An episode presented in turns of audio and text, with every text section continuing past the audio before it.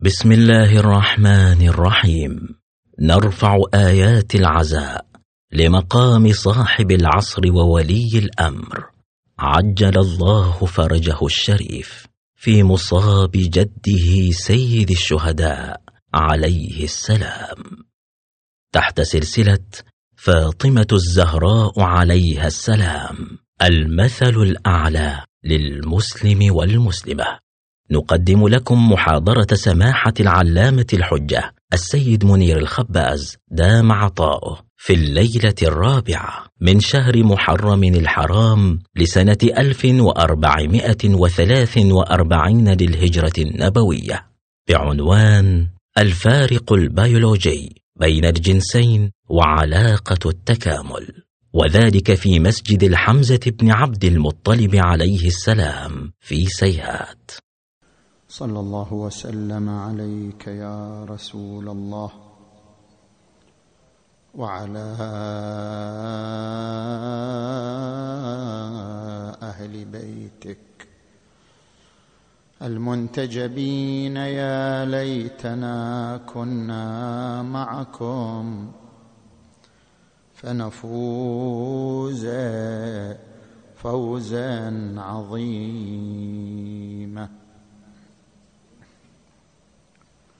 أعوذ بالله من الشيطان الغوي الرجيم. بسم الله الرحمن الرحيم. المؤمنون والمؤمنات بعضهم أولياء بعض. يأمرون بالمعروف وينهون عن المنكر. آمنا بالله. صدق الله العلي العظيم. ذكرت الدكتورة أليس روزي عالمة اجتماع أمريكية أن من ينكر الفروق الثابته بين الرجل والمرأة فهو يقف بوجه علوم البيولوجيا وعلوم المخ والأعصاب. وأن من يتنكر لهذه الفروق كمن يتنكر لتغيرات الطقس. أو ينكر وجود جبال الهملايا.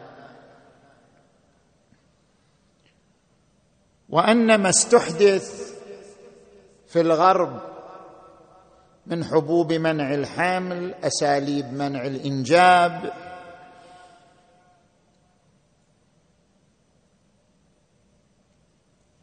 وأساليب الإجهاض واستئجار الأرحام. وعمليات الاستنساخ ما يحتاج الصدى هذا. كل ذلك من أجل تخلص المرأة. كل ذلك من أجل تخلص المرأة من قيود الإنجاب. لن يزيل الفوارق. الثابته بين الرجل والمرأة. لأن الفارق بين الرجل والمرأة لا ينحصر في الحمل والولادة. حتى إذا تخلصت المرأة من الحمل والولادة انتهت الفوارق بين الرجل والمرأة. إن الفوارق بين الرجل والمرأة أعمق من ذلك بكثير. لأنها فوارق ترجع إلى تركيب المخ وآلياته والنظر إلى الحياة وأولويات المسيرة فيها. من هنا انصب البحث في ثلاث ليال حول المقارنة بين الاتجاهين الاتجاه الجندري والاتجاه الديني.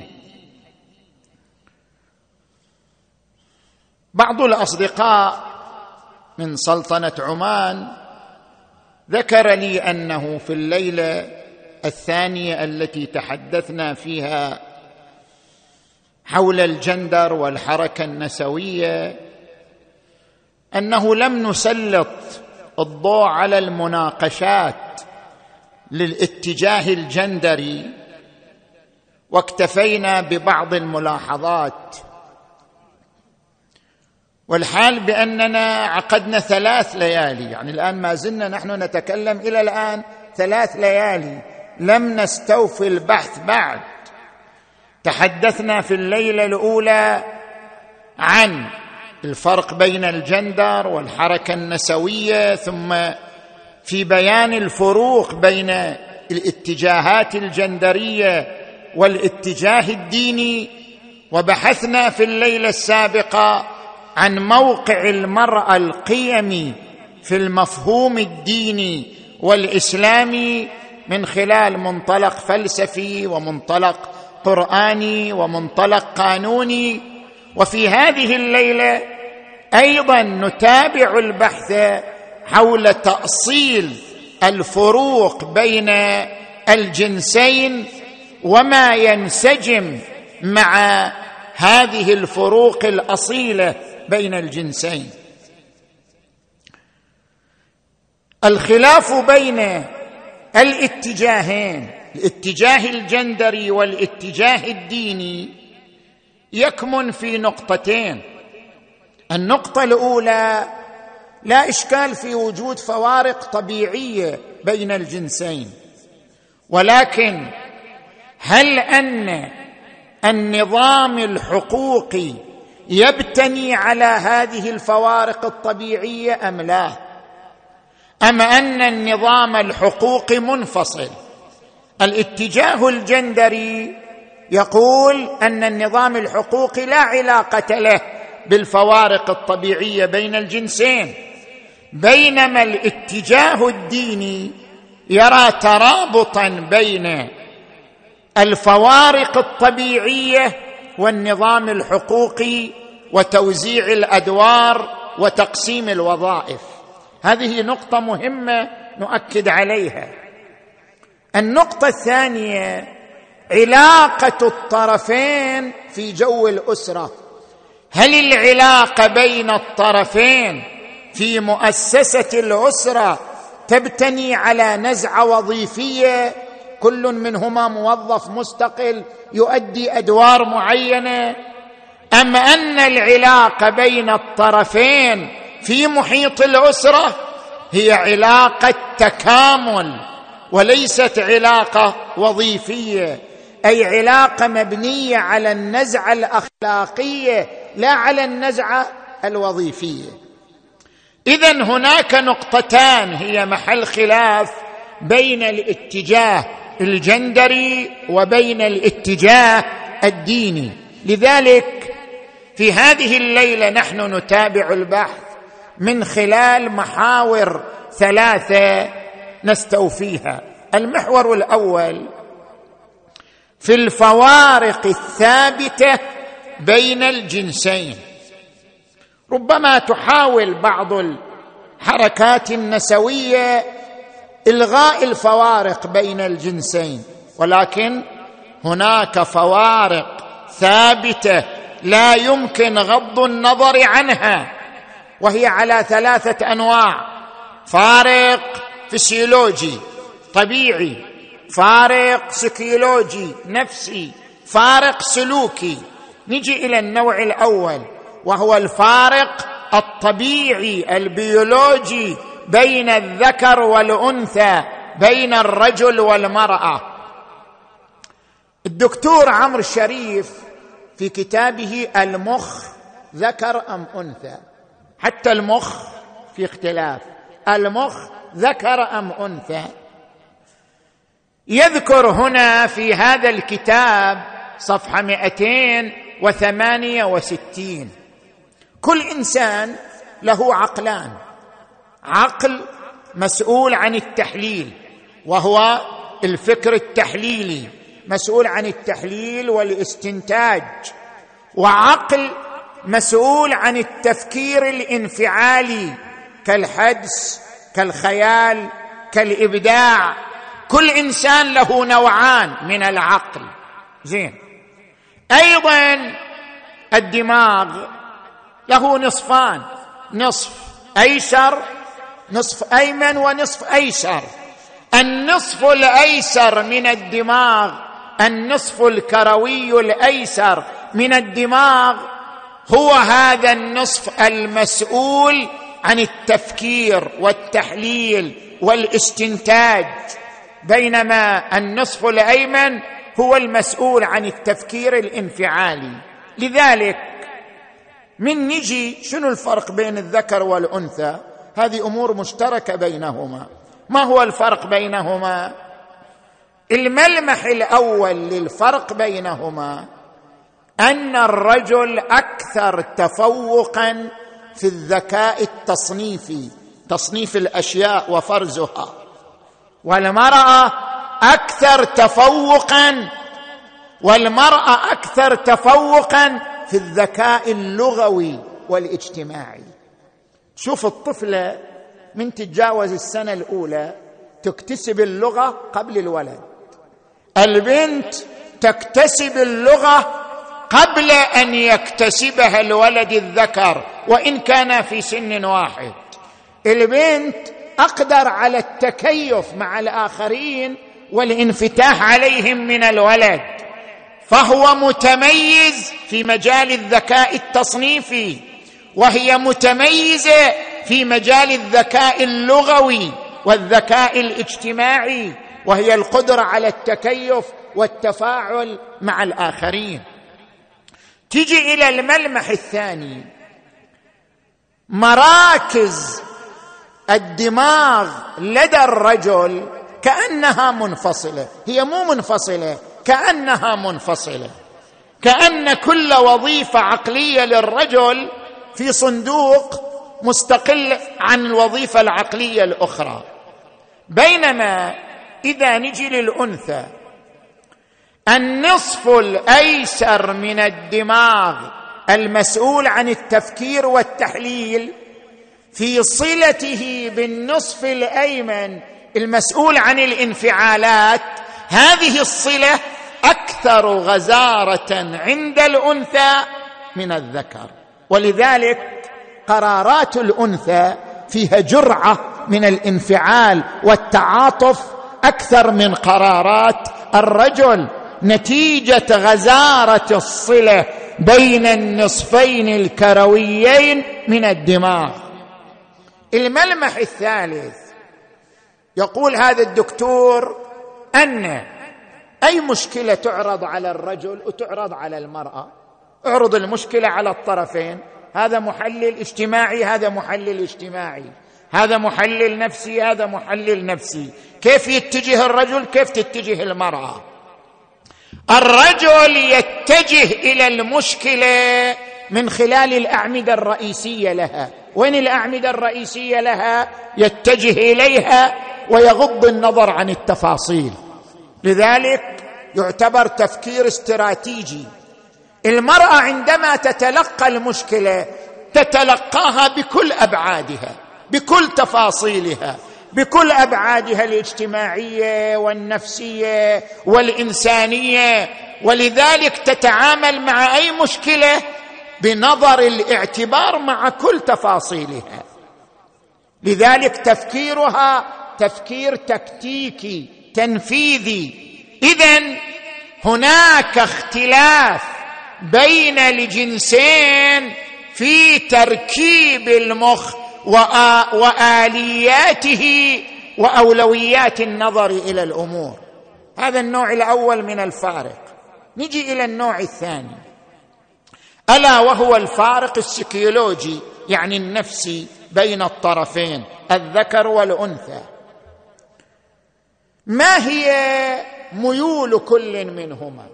ما هي نظرة كل منهما للحياة؟ ما هي نظرة كل منهما للنجاح ومقاييس النجاح؟ يختلفان. الذكر عن الأنثى في مجال هذه الميول. عندنا صور خمس تبين لنا الاختلاف. السيكيولوجي بين الرجل والمرأة. الصورة الأولى. الصورة الأولى دراسة ذكرها نفس الدكتور عمرو شريف صفحة 208 دراسة أقيمت في مجتمعات ستة من المجتمعات الحديثة. هذه الدراسة تتركز على النظر للمستقبل وأولوياته. طرح السؤال على الرجل. ماذا تريد أن تكون في المستقبل؟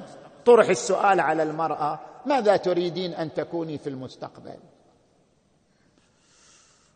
أغلب الرجال أجابوا أنه يريد أن يكون في المستقبل إنسانا ذا قوة نافذا ذا سيادة ذا تمكن الرجل هكذا اتجه. المرأة ماذا تريدين أن تكون؟ أن تكون محبوبة بين الناس أن تكون معطاءة أن تكون مساهمة في إنقاذ الآخرين. اذا الاتجاه اختلف في الميول. عندما طرح السؤال عن الأولوية ما هي أولويات الرجل؟ ما هي أولويات المرأة؟ أولويات المرأة تركزت في الاعتبارات الإنسانية وفي اكتساب الخبرات الاجتماعية والإنسانية. بينما أولويات الرجل تركزت على الاعتبارات الاقتصادية والسياسية أن يكون ثريا أن يكون قويا أن يكون مستقلا أن يكون نافذا. اذا هناك فرق بينهما من حيث الميول الميول إلى المستقبل وتحديد الأولويات. هذه الصورة الأولى. الصورة الثانية دافيد بوس أيضا عالم اجتماع أمريكي أقام دراسة على عشرة آلاف سيده ينتمين إلى سبعة وثلاثين حضارة. أقام هذه الدراسة. هذه الدراسة تتعلق بالنظر إلى الزوج. من هو شريك الحياة؟ الرجل يجيب عن شريكة حياته المرأة تجيب عن شريك حياتها. المرأة تركز على موقع الرجل المهني أو الاجتماعي. عادة ما يهمها شكل الرجل وهندام الرجل أكثر ما يهمها شنو موقع المهني شنو موقع الاجتماعي لأنها تركز على رجل يوفر لها الأمن والحماية النفسية والمادية لها ولأسرتها. لذلك تركز على الموقع. بينما الرجل عندما يسأل عن شريكة الحياة أول الأسئلة يطرح عن الجمال عن الصفات الجسدية والأنثوية للمرأة بقدر ما تحقق له من سكينة وحب واستمتاع. تجي الآن إلى الصورة الثالثة مهارات التعاطف. الصورة الثالثة مهارات التعاطف ماذا تعني؟ يعني نحن عندما نتأمل في قوله تعالى يا أيها الناس إنا خلقناكم من ذكر وأنثى وجعلناكم شعوبا وقبائل لتعارفوا. التعارف فرع التعاطف. إذا ما في تعاطف ما في تعارف. التعارف فرع التعاطف. التعاطف نزعة فطرية في الإنسان. لكن هناك شيء في علم النفس الاجتماعي يسمى مهارات التعاطف. شنو يعني مهارات التعاطف؟ يعني هل أنت لديك قدرة أن تقرأ؟ أن تقرأ آه، جمل غير منطوقة؟ يعني هل تستطيع من خلال قسمات الوجه أن تعرف هذا الإنسان حزين أم فرح؟ هذا الإنسان متوتر أم مستقر؟ هذا الإنسان آه، متفتح أم منغلق؟ هل تستطيع من خلال قسمات الوجه أن تصل إلى ذلك أم لا؟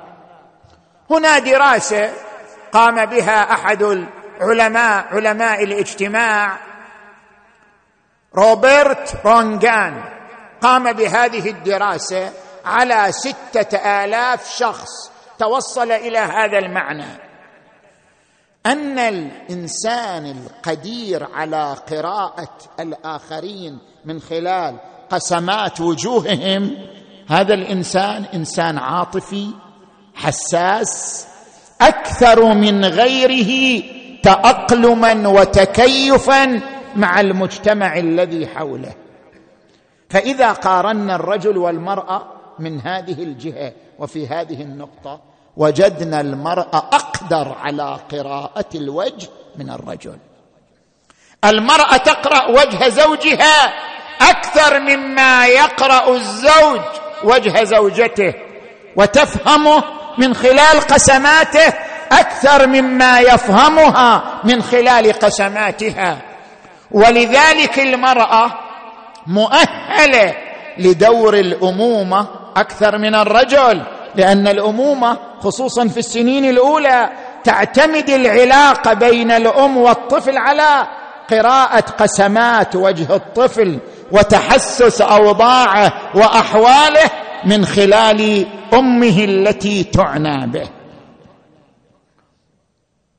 تجي إلى الصورة الرابعة وهي مقياس النجاح. شنو مقياس النجاح بين الطرفين؟ متى يكون الرجل ناجح بنظر نفسه ومتى تكون المرأة ناجحة بنظر نفسها؟ الرجل يرى النجاح في الترقي في السلم الوظيفي. كلما ترقى في السلم الوظيفي فهو ناجح لما يحققه له. هذا الترقي من ثروة ومن جاه ومن نفوذ. المرأة ترى نجاحها في رصيدها الاجتماعي. بحسب الاعتبارات الاجتماعية والإنسانية كلما حققت رصيدا اجتماعيا أنقذت أناس قضت حوائج أناس قامت بمشاريع اجتماعية ترى أنها حققت أعلى درجة من درجات النجاح. ولذلك الرجل يرى العمل تنافس. يعني من أنا أكون وياك شريكين موظفين في دائرة واحدة نعيش روح التنافس بيننا. الرجل يرى المشاركة في العمل تنافس وميدان العمل كأنه ميدان لعب كرة القدم. كل ينافس الآخر حتى يحقق أكبر قدر من الفوز والنجاح بينما المرأة تميل لشركاتها على أنها شراكة وتعاون لا على أنه تنافس. لذلك يذكر في بعض هذه البحوث أن الرجل مستعد للتضحية بالمال بالصحة بالأصدقاء في سبيل أن يصل إلى الموقع المتميز في الوظيفة. الرجل قد يضحي حتى بأصدقائه حتى يصل إلى الموقع المتميز من النفوذ والرقي في مجال وظيفته. بينما المرأة لا تعتبر ذلك أكثر من شراكة وتعاون في مجال عملها. تجي إلى الصورة الخامسة. الصورة الخامسة في الاستجابة إلى التوتر. عندما تعرض عليك أحداث تزيدك توترا. طبعا الحدث من يعرض على الإنسان. الانسان يمر بمراحل ثلاث إنذار استجابة إنهاك. الحدث ينذرك تستجيب لاستجابة تفاعلية بعدين تبدأ المرحلة بعد الاستجابة. هل تنتصر على الحدث أو ينهكك الحدث؟ فلا تنتصر عليه. عندما ينهكك الحدث ما تقدر تسوي شيء.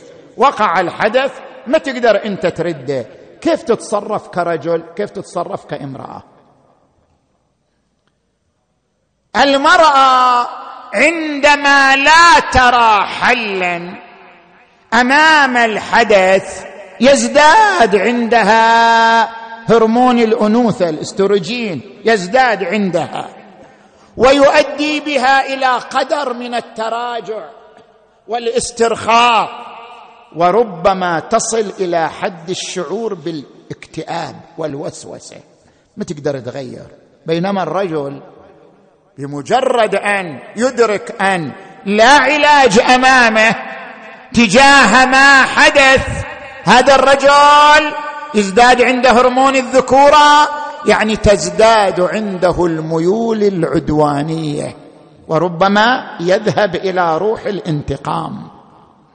اذا بالنتيجة هناك عدة صور للفروق بين ميول الرجل وميول الأنثى وهذا ما نعبر عنه بالفروق السيكيولوجية بين الطرفين. نجي إلى النوع الثالث الفرق السلوكي بين الطرفين. أيضا الفرق السلوكي بين الطرفين يتضح في عدة ألوان. اللون الأول ما هي الأعمال التي تميل إليها المرأة؟ الرجل يميل إلى كثير من الأعمال. بس المرأة لأي نوع من الأعمال تميل؟ المرأة تميل إلى العمل الذي فيه تواصل مع الآخر واقتراب مع الآخر. تميل إلى الطب الطب النفسي التمريض التعليم العلاقات باعتبار أن هذه المهن فيها تواصل مع الآخر بينما مهن رجال الأعمال أكو مصطلح يسموه المهن الأربع لرجال الأعمال. ما هي تجارة؟ المقاولات الناقل المواصلات. هذه المهن الأربع لا تميل إليها المرأة بطبعها وإن كانت ربما تكون موظفة في إحدى هذه المهن لكنها بطبعها لا تميل لأمثال هذه المهن. تجي إلى اللون الثاني من الفرق السلوكي. المرأة إذا صارت مديرة شركة سلمها إدارة الشركة كيف تدير الشركة؟ تدير الشركة كما تدير المنزل بروح الأمومة. والمديرات الناجحات للشركات يصرحن بذلك. يقولن نحن ندير الشركة كما ندير. المنزل إدارة الشركة بروح الأمومة لا تعني أنها تعطف على الموظفين إلى حد التسيب والفساد الإداري ولا تعني أنها تراقبهم بحزم إلى حد الاختناق. روح الأمومة هي روح المرونة روح التوازن. لذلك تتعامل مع الموظفين بروح التشجيع والدعم والمواصلة وإلفات النظر بخلاف الرجل. إذا صار مدير يتعامل بروح قانونية صارمة بينه وبين موظفيه. تجي إلى اللون الثالث من ألوان الفرق السلوكي بين الذكر والأنثى. اسأل الرجل شو تشكل لك أسرتك؟ واسأل المرأة شو تشكل لك أسرتك؟ الأسرة بنظر الرجل إحدى المؤسسات. إحدى. الأسرة بنظر الرجل إحدى المؤسسات. وإلا ربما يكون اهتمامه بوظيفته المهنية أعظم من اهتمامه برعايته الأسرية. وربما يرى نجاحه في مجال العمل أهم من نجاحه في مجال الأسرة.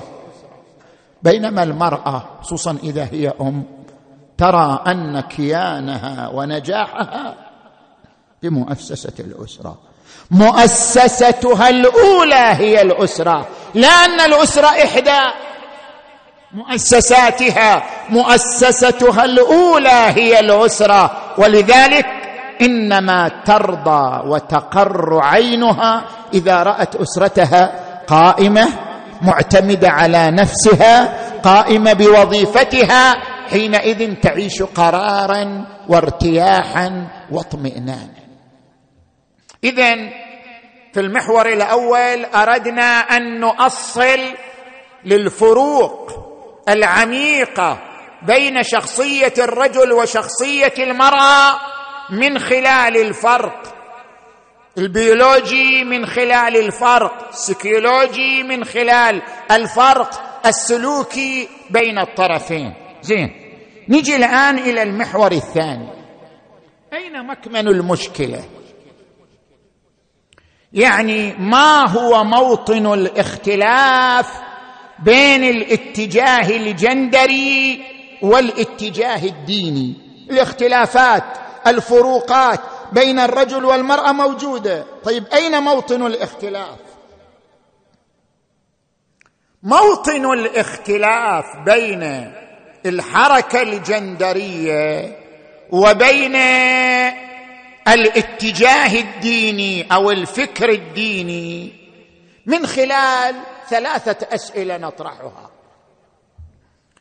السؤال الأول هل أن هذه الفروق بين الرجل والمرأة تأثيرها حتمي أو تأثيرها اقتضائي استعدادي؟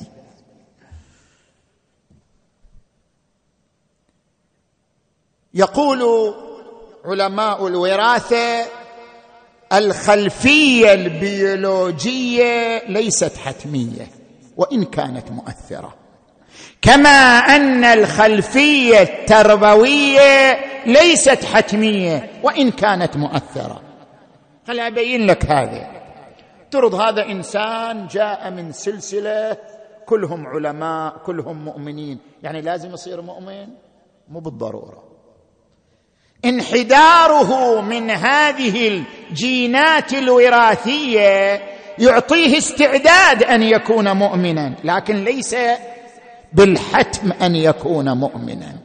والبلد الطيب يخرج نباته بإذن أهله والذي خبث لا يخرج إلا نكدا.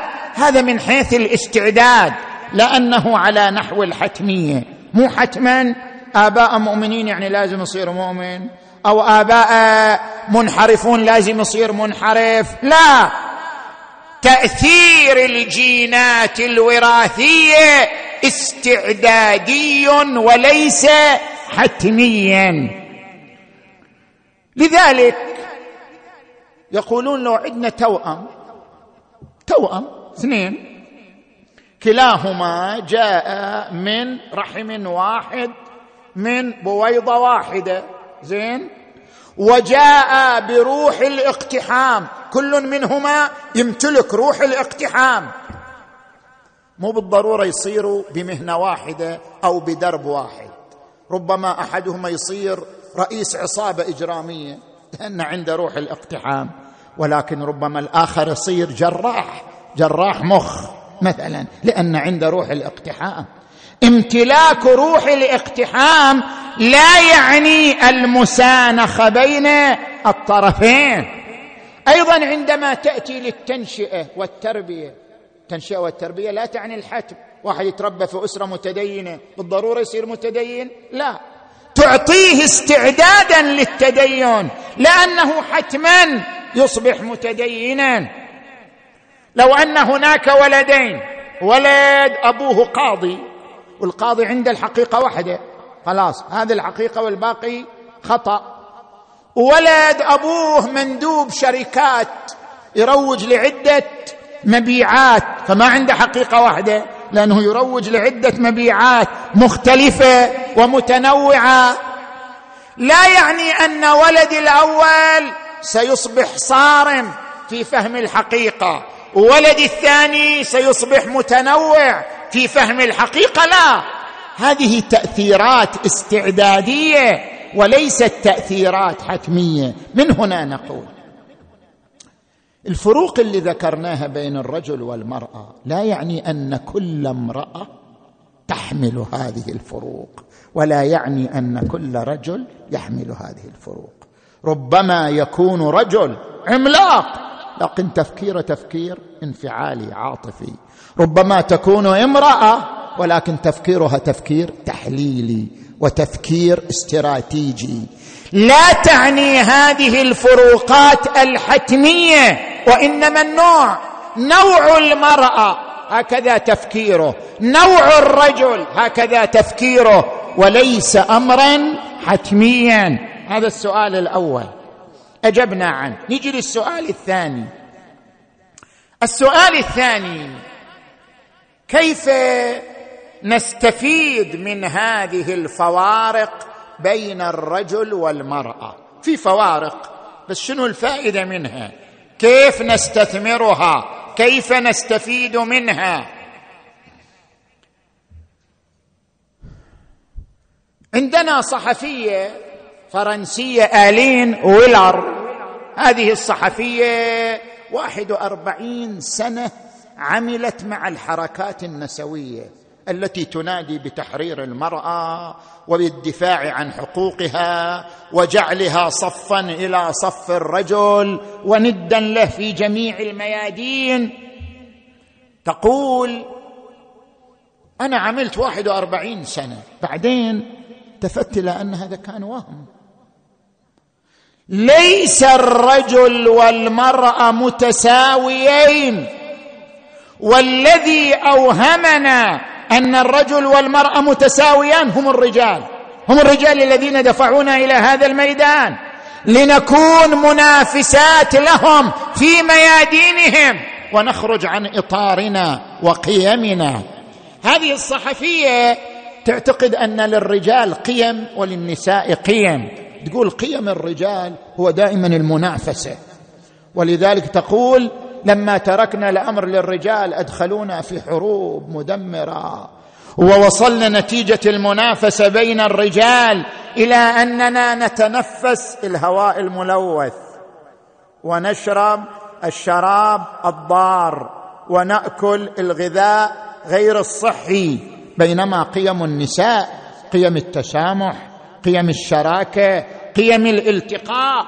لذلك تقول انكشف لي بعد واحد وأربعين سنة كالشمس في رابعة النهار أن الرجل يختلف عن المرأة وأن العلاقة بينهما ينبغي أن تكون علاقة اشتراك وليست علاقة تنافس.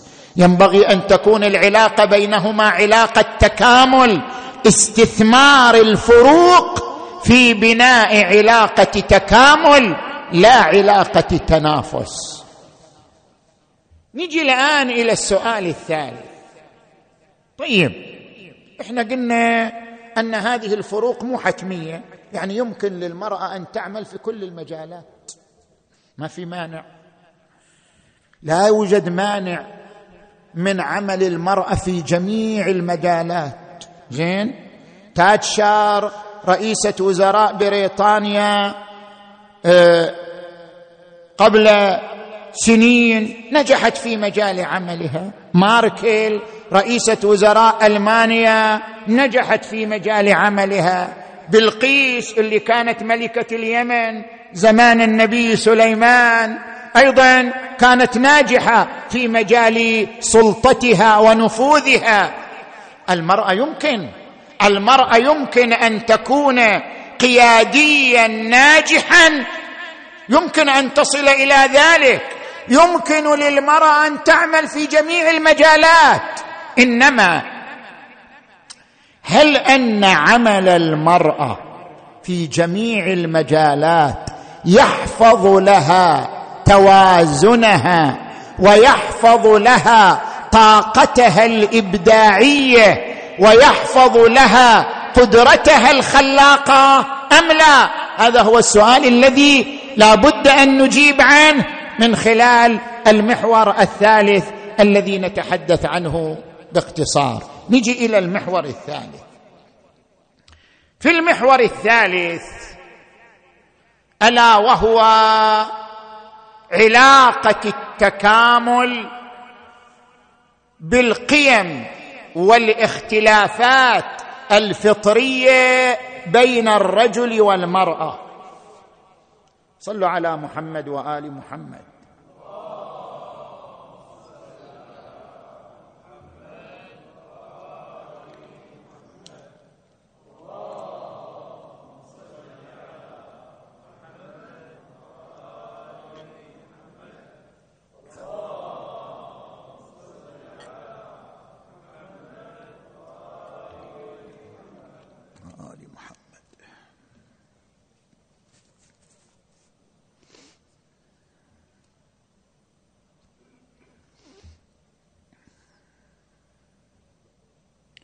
ما هي نوع العلاقة بين الرجل والمرأة؟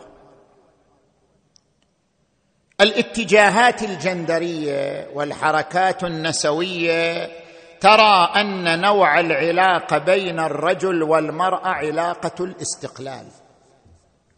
كلاهما كائن واعي مستقل فالعلاقة بينهما علاقة الاستقلال سواء كانوا في الأسرة أم كانوا في شركة أم كانوا في مجال القيادة؟ العلاقة بين الرجل والمرأة علاقة الاستقلال لأن المرأة قادرة على أن تخترق كل ميادين العمل التي وصل إليها الرجل وربما تتفوق عليه. إحدى الباحثات النسويات الكويتيات تقول أعطونا الفرصة. كلما أخذين الفرصة انتون الرجال. أعطونا الفرصة. التاريخ من يوم سليمان وداود إلى الآن تاريخ ذكوري تاريخ الرجل.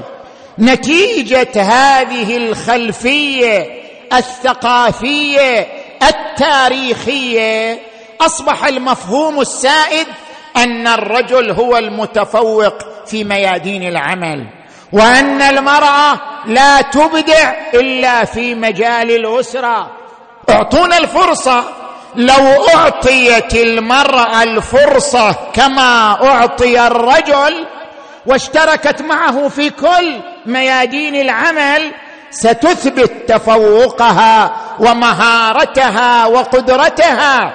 فلماذا لا تعطى الفرصة الكافية من أجل ذلك؟ زين. ما هو الجواب؟ الجواب انقلك إلى جوردان بترسون. هذا عالم نفس مشهور وإلى مقابلة تلفزيونية مترجمة إلى اللغة العربية. ماذا يقول في هذه المقابلة؟ زين. يقول أجريت دراسات نفسية إحصائية من قبل علماء نفس متخصصين في مجال الإحصاء. وأقيمت هذه الدراسات قبل 25 سنة مو الآن. هو يتحدث عما قبل 25 سنة. أقيمت هذه الدراسات على عينات مختلفة من 55 شعب. مو من شعب معين من 55 شعبا. هذه الدراسات تطرح أسئلة على الرجل والمرأة من خلال سمات الشخصية. عندهم في علم النفس الاجتماعي سمات خمس للشخصية العصابية الانبساطية القبول الانفتاح يقظة الضمير. إحنا مو في مجال البحث في هذه الأمور. يقول أقيم أقيمت هذه الدراسات. ما هي النتيجة؟ النتيجة كلما زادت نسبة المساواة بين الرجل والمرأة زادت الفروق بينهما. يعني تناسب عكسي. كلما زادت المساواة بينهما زادت نسبة الفروق السيكولوجيه بين الطرفين.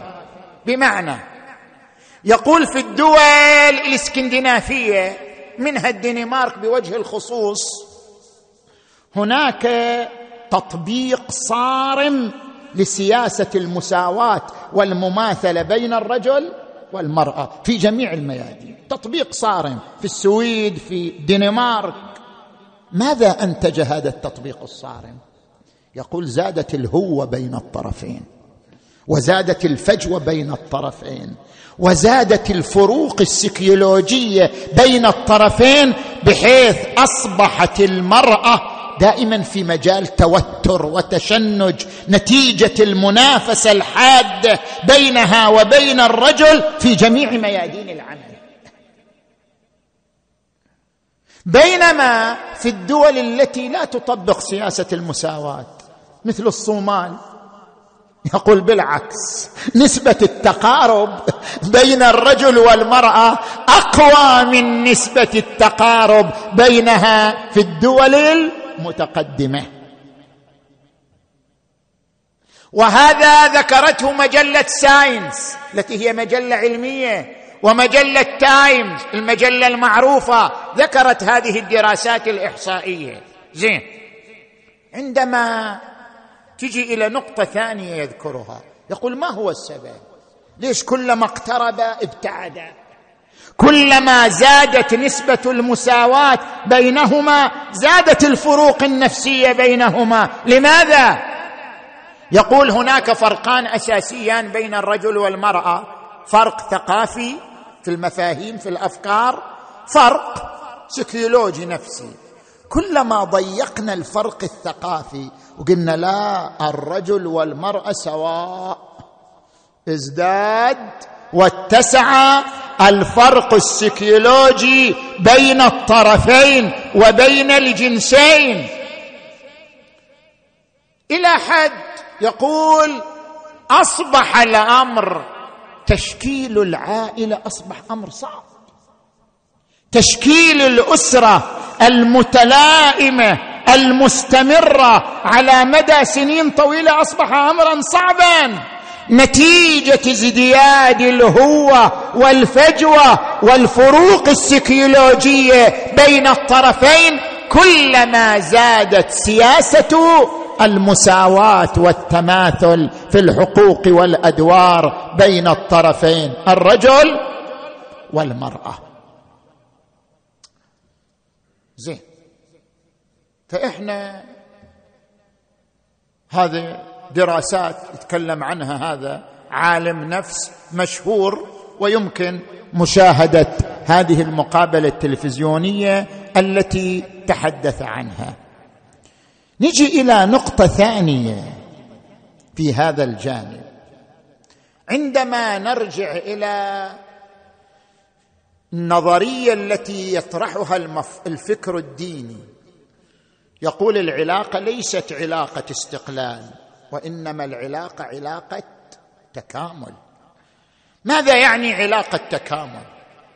الآن نحن عندما نرى الشعوب المختلفة كل شعب يمتلك خصائص ثقافية خصائص وراثية خصائص سلوكية تختلف عن الشعب الآخر. كيف تكون العلاقه بين الشعوب؟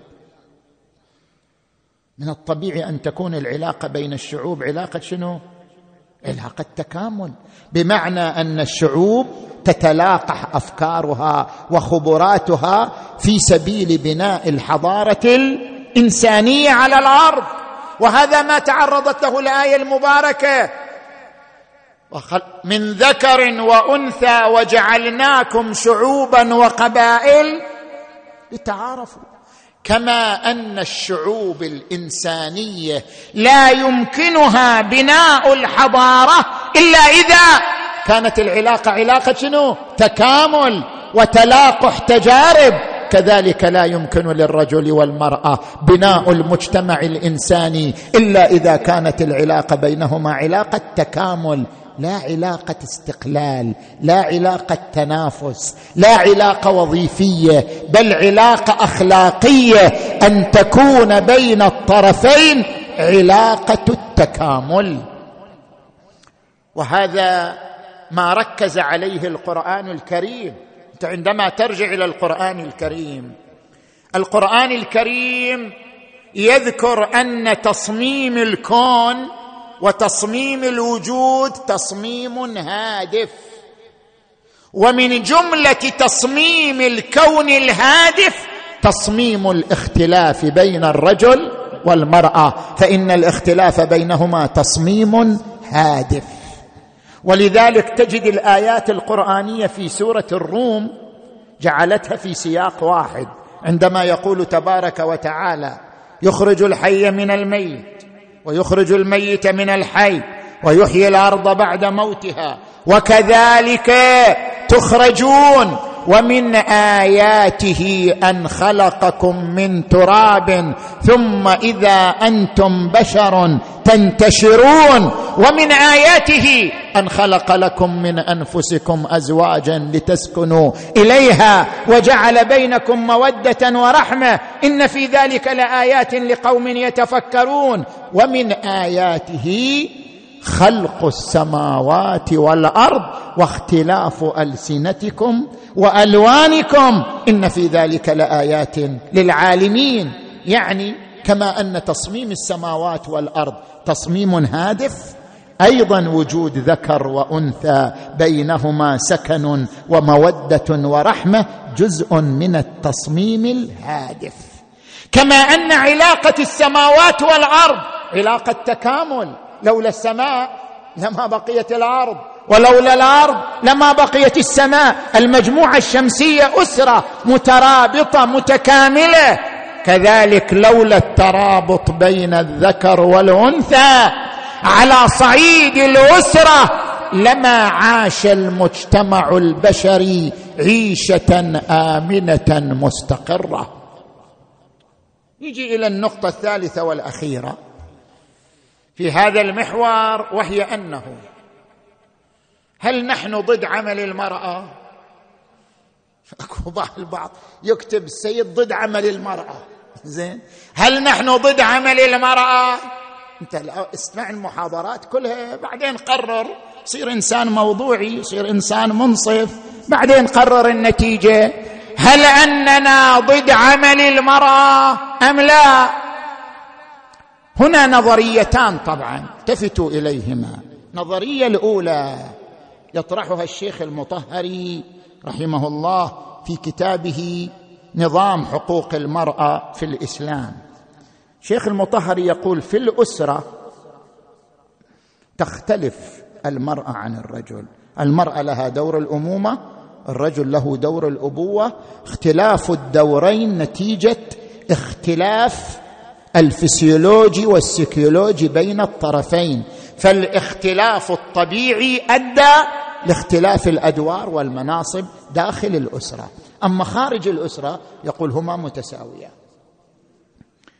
في خارج الأسرة هما متساويان في جميع المجالات ولا فرق بينهما لأن كل منهما يمتلك العقل والإرادة والقدرة فعناصر الإنسانية متساوية بينهما.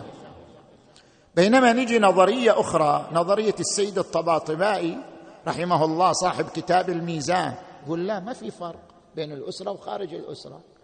إما أن الاختلافات الطبيعية لها أثر فلها أثر في الجميع. إما ما لها أثر فليس لها أثر في الجميع.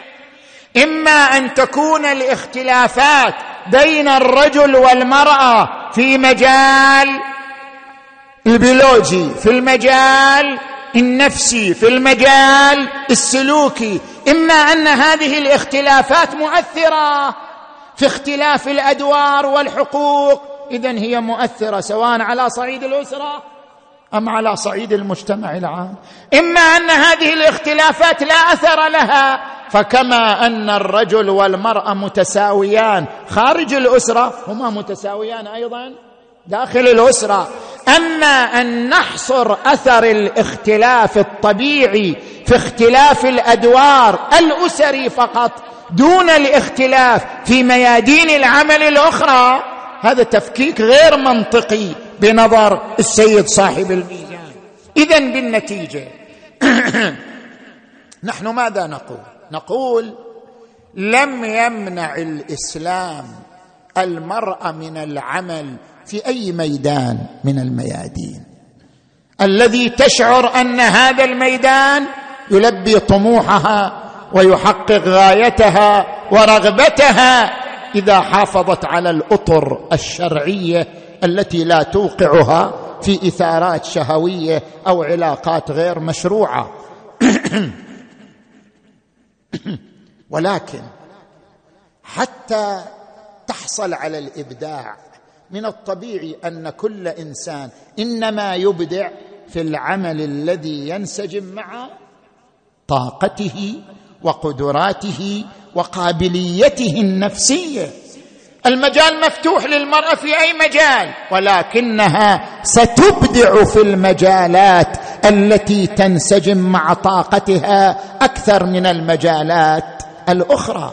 ولذلك إذا وضعت ضوابط المرأة تشترك مع الرجل في العمل لا مانع لكن إذا وضعت ضوابط تجعل العلاقة بين الرجل والمرأة في كل مجالات العمل علاقة تكامل لا علاقة تنافس لا علاقة ندية. سوف تحتفظ المرأة بقدرتها على الإبداع. والخلاقية كما يحتفظ الرجل بقدرته على الإبداع والخلاقية بينهما. من هنا نعود إلى التاريخ العظيم تاريخ تلك النساء اللاتي أبرزن قدراتهن وطاقاتهن في مجال العمل الرسالي عندما نرجع إلى تاريخ خديجة بنت خويلد إلى تاريخ فاطمة بنت محمد.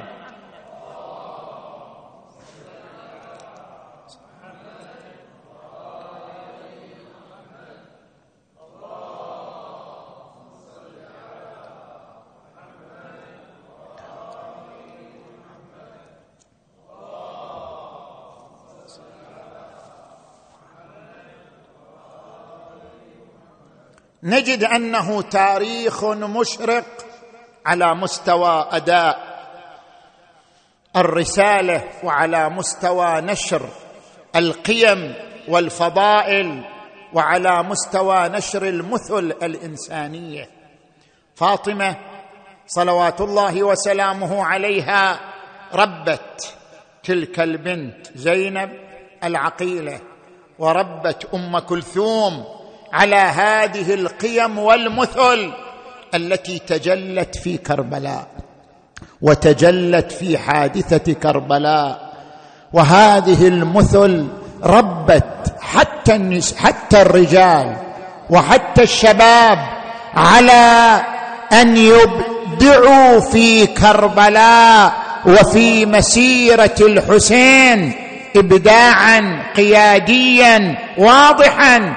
من أولئك القياديين الذين تربوا في بيت الإمام أمير المؤمنين علي عليه السلام تربوا على الروح القيادية الروح الرسالية. مسلم بن عقيل سفير الحسين عليه السلام.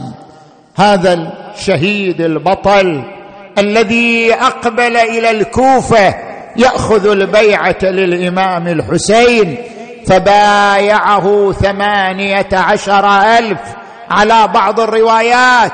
وكانوا وكان إذا صلى في مسجد الكوفة صلى خلفه الألوف على بعض الروايات. مسلم بن عقيل. عليه السلام الغريب الشهيد. ما مضت إلا بعض الأيام حتى تمكن عبيد الله بن زياد من الكوفة وعندما تمكن منها أخذ أهلها أخذ أهلها بالبأساء والضراء أخذ أهلها إما بالرشوات أو بالتهديد حتى أحجم الجميع عن مسلم بن عقيل وبات وحيدا غريبا يمر في الأزقة يبحث عن المأوى بأبي وأمي. حتى وصل إلى باب امرأة يقال لها طوعة. من الموالين للإمام أمير المؤمنين. طرق الباب خرجت إليه. ماذا تريد؟ كأنك غريب. قال أريد شربة من الماء أبل بها كبدي. أخرجت له قليلا من الماء شرب منه ثم وقف. قالت ما وقوفك؟ اذهب عن بيتي. قال أنا غريب في هذه البلاد. قالت من أنت؟ ومن أين? قال أنا مسلم بن عقيل سفير الحسين بن علي بن أبي طالب.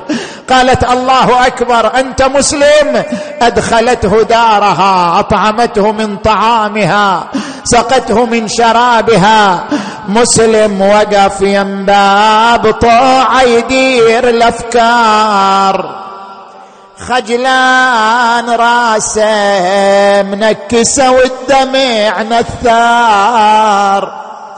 طعاد قلش حاجتك من وقفتك هاي.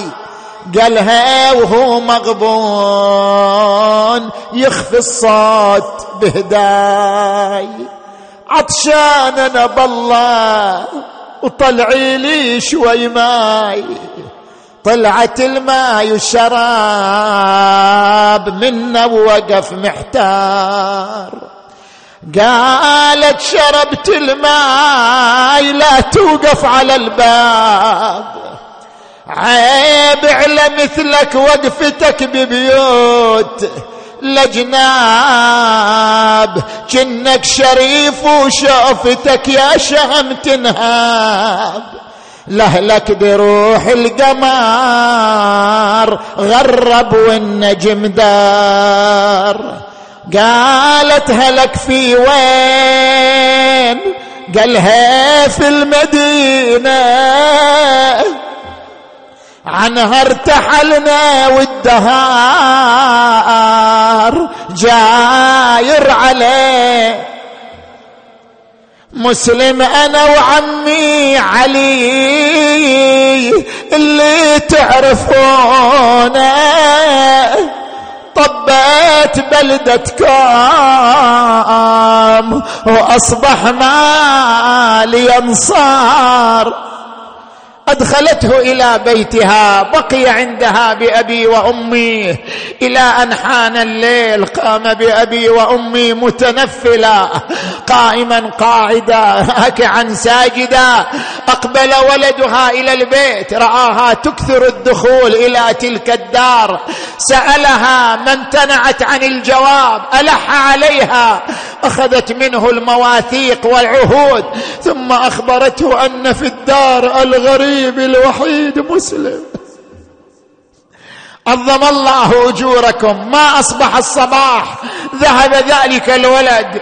وأخبر عبيد الله بن زياد بينما مسلم في تلك الدار. وإذا بالحاميه من الرجال تحيط الدار يمنة ويسرى وهم يقولون يا مسلم قم واخرج من الدار وبارز الرجال فقام بأبي وأمي ربط الحزام على بطنه وسل سيفه وخرج إليهم. أقسمت لا أقتل إلا حرا وإن رأيت الموت شيئا نكرا. أخاف أن أكذب أو أغرى صار يقاتلهم عن يمينه وعن شماله وطوع واقفة تنظر إليه وهي تبكي. عظم الله أجوركم. فلما كثر القتل فيهم حفروا له حفيرا بينما هو يقاتل وإذا به قد وقع في الحفيره فانقلبوا عليه واثخنوه بالجراح وأخذوا السيف من يديه فلما نظرت إليه طوعا صارت تبكي وتلتم على رأسها. وتقول وخجلته أمام رسول الله يوم القيامة؟ وخجلته أمام فاطمة الزهراء. نادت يا طاعة يا عظمها خجلتي بيك شبيدي وأنا حرمة ضعيفه ما أقدر احميك لا تنفد بقلبي لفت قلبي وداويك. كان اسلمت من كيدهم. سلم على حسين. قالها يا طاعة اليوم ما تحصل سلامة. أوصيك كان بهالبلد طبوا يتامى قولي ترى مسلم يبلغكم سلام. واجرك على الله والنبي سيد الكون. تجيكم يا طاعة مخدرات حيدر على كور. كني أراها بهالسكاك بيتام هالدور. حسر على هزل وراس حسين مشهور. أخذوه إلى عبيد الله بن زياد لم يسلم عليه بالإمارة. قالوا لم لم تسلم على الأمير بالإمارة؟ قال والله ما هو لي بأمير اميري حسين ونعم الأمير. سرور فؤاد البشير النذير له طلعة مثل شمس الضحى له غرة مثل بدر منير. قال سلم أم لم يسلم؟ هو مقتول لا محالة. خذوه إلى أعلى القصر واضربوا عنقه. عظم الله أجوركم. أخذوه إلى أعلى القصر. قال أيها السياف أمهلني أصلي ركعتين لربي. فدخل في صلاته. فلما فرغ منها توجه إلى المدينة ونادى السلام عليك. يا أبا عبد الله السلام عليك يا ابن رسول الله. إن القوم يريدون قتلي فإذا وصلك خبري فلا تقدم عليهم فإنهم أهل غدر ونفاق. وما أمهله السياف حتى ضربه بالسيف على رأسه. خر يخور في دمه وصل الخبر إلى الحسين فنادى ابنته حميدة فأجلسها في حجره وصار يمسح على رأسها. قالت ما بالك يا خالي تمسح على رأسي؟ كما تمسح على رؤوس اليتامى. هل أصيب والدي بسوء؟